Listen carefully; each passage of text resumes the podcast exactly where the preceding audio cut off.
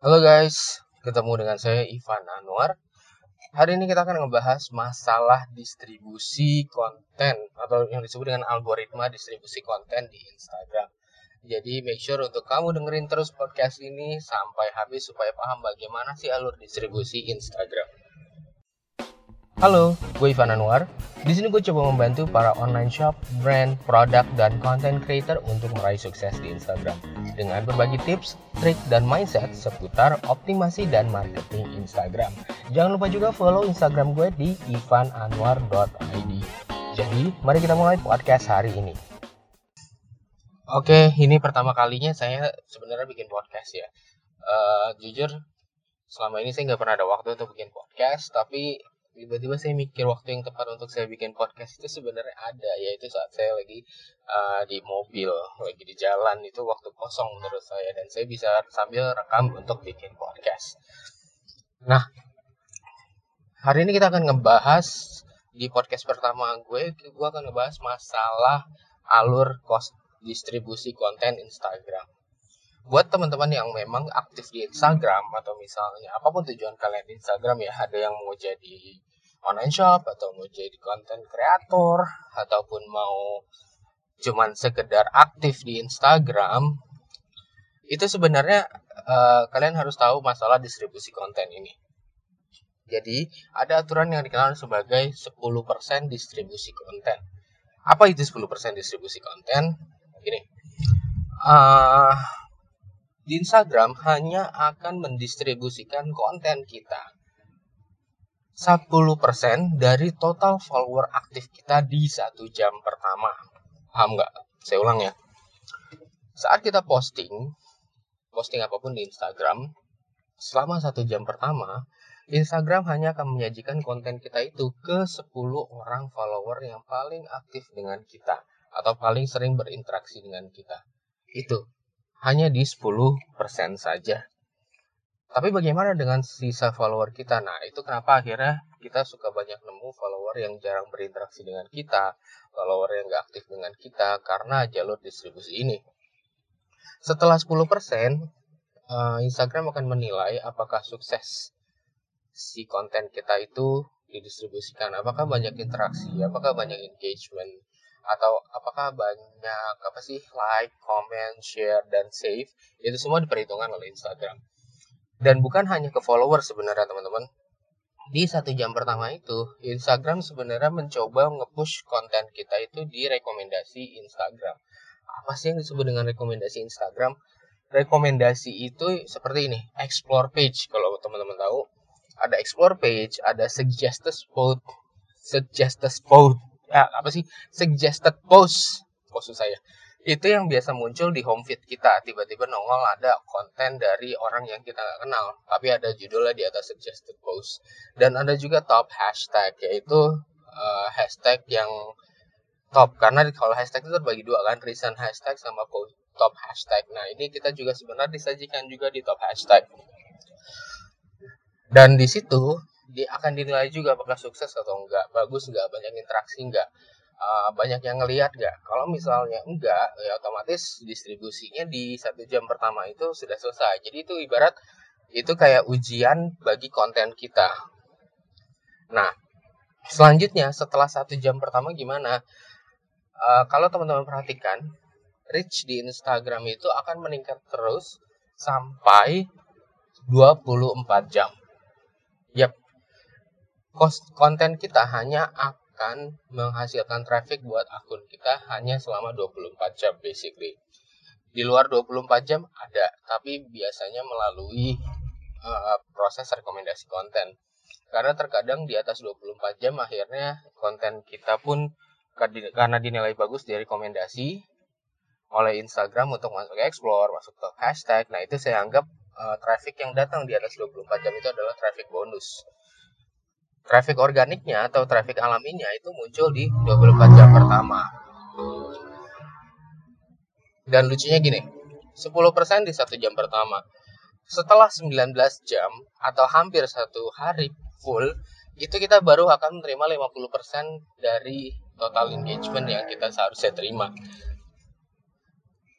Dan setelah di jam ke-20 sampai 24 baru kita menerima 100% dari total engagement kita.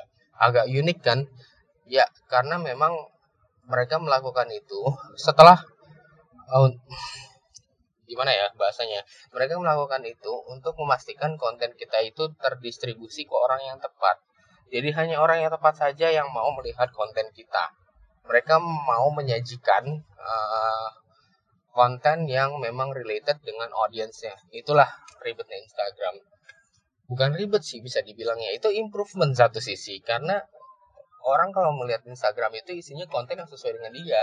Tapi buat para orang-orang yang mau bisnis di Instagram yang butuh visibility dan butuh reach yang jauh yang tinggi itu memang agak sulit. Nah pastinya mereka melakukan itu untuk apa? Supaya maksa kita masuk ke iklan dan bayar. Ya itu pasti. Nah sekarang pertanyaannya, kalau misalnya teman-teman udah ngerti, satu jam pertama 10%, 19 jam pertama 50%, dan kemudian di 24 jam baru 100% engagement kita terima, bagaimana cara kita ngakalinnya supaya reach kita banyak? Nah, kalau itu sebenarnya ada banyak faktor. Pertama, uh, ada yang banyak bilang dalam 10% pertama itu kita harus uh, banyak banget tuh yang like dan komen yang masuk ke dalam konten kita. Itu memang benar. Tapi jangan sampai kamu akhirnya jadi minta-minta interaksi ke teman-teman kamu, saudara, kakek, nenek. Jangan. Biarin aja itu terjadi secara alami. Karena ya, kalau yang disebut engagement pot itu yang kita minta-minta like, komen, dan komen itu nggak akan pengaruh. Nggak akan pengaruh karena ujung-ujungnya Instagram bisa menilai kok itu mereka bot. Jadi bukan bot sih mereka kayak bot kelakuannya. Jadi itu nggak akan dinilai. Dan toh kalau misalnya kita let's say blast ke WhatsApp. Ke satu grup ya. Satu grup blast. Cek tolong dong like komen. Nah kamu percaya nggak? Di impression itu hanya dihitung sekali nggak dihitung berkali-kali walaupun yang ngeklik link kita untuk masuk ke konten itu ada 20 50 orang tapi tetap dihitung cuma satu so it's no use guys. Cara yang tepat untuk mendongkrak uh, konten kita ya untuk memaksimalkan reach ya itu adalah dengan menggunakan konten yang berkualitas dan hashtag yang relevan. Apa itu maksudnya? Lo kalau misalnya posting sesuatu isinya cuma selfie selfie foto lo doang gitu kan. Lo lagi main di mana atau lo lagi sama cewek lo oke. Okay. kalau buat influencer gede itu sih nggak masalah karena banyak yang kepo dengan kehidupan mereka. Tapi kalau kita siapa yang kepo? Nggak nggak ada. Atau misal lo online shop cuma foto produk lo doang tentu siapa yang mau tahu? Nggak ada yang kenal produk lo nah apa yang gue sebut dengan konten berkualitas adalah konten yang memang dibutuhkan, dicari dan uh, diminati dengan target audiens kita. Let's say, lu jualan apa? Lu jualan hmm, susu kesehatan, susu diet misalnya ya. Otomatis kalau lo foto produk lo doang, twing susu diet nggak akan ada yang mau tahu. Tapi kalau lo posting sesuatu tentang atau tips bagaimana cara diet yang benar, bagaimana cara menurunkan berat badan atau manfaat dari susu lo atau produk knowledge-nya itu akan lebih bermanfaat. Itu akan lebih kualitas ketimbang hanya foto produk aja. Dan itu akan dicari sama orang. Orangnya mana? Yaitu target market lo. Kan gini lo jualan susu diet. Otomatis lo mengincar orang-orang yang memang lagi diet dong Nah, dengan konten tersebut yang kayak gue bilang tadi, itu bisa memancing orang-orang yang lagi diet untuk membaca konten tersebut. Itu dia. Lo harus bikin konten yang related sama target audience lo. Lo harus bikin konten yang dicari sama mereka, yang dibutuhkan oleh mereka dan bermanfaat buat mereka.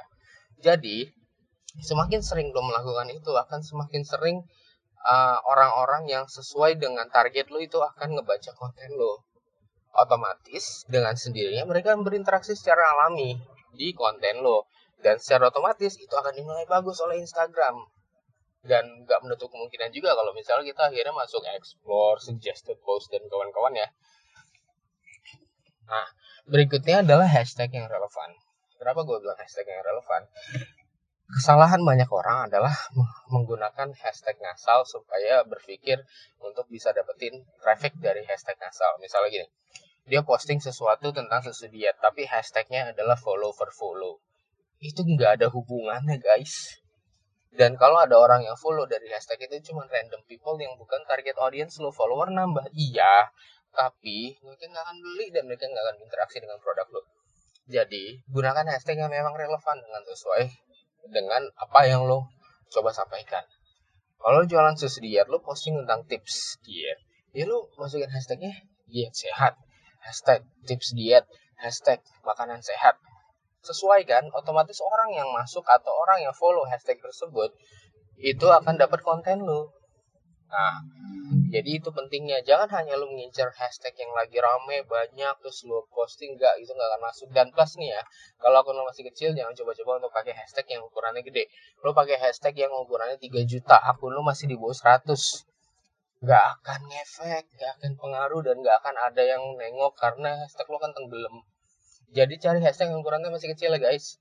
Cari yang masih di bawah. Kalau misalnya lo masih di bawah 1000 cari yang di bawah sepuluh ribu atau di bawah lima puluh ribu itu masih masih bisa menjangkau atau ngebantu untuk ngebus akun dan konten lo. Oke, itu dia tips gue untuk hari ini. Jangan lupa follow Instagram gue di ivananwar.id. Sekali lagi ivananwar.id. Dan gue akan coba untuk rutin membuat podcast di sini kalau buat lo yang uh, lebih suka dengan konten audio. Terima kasih dan sampai ketemu di podcast gue berikutnya.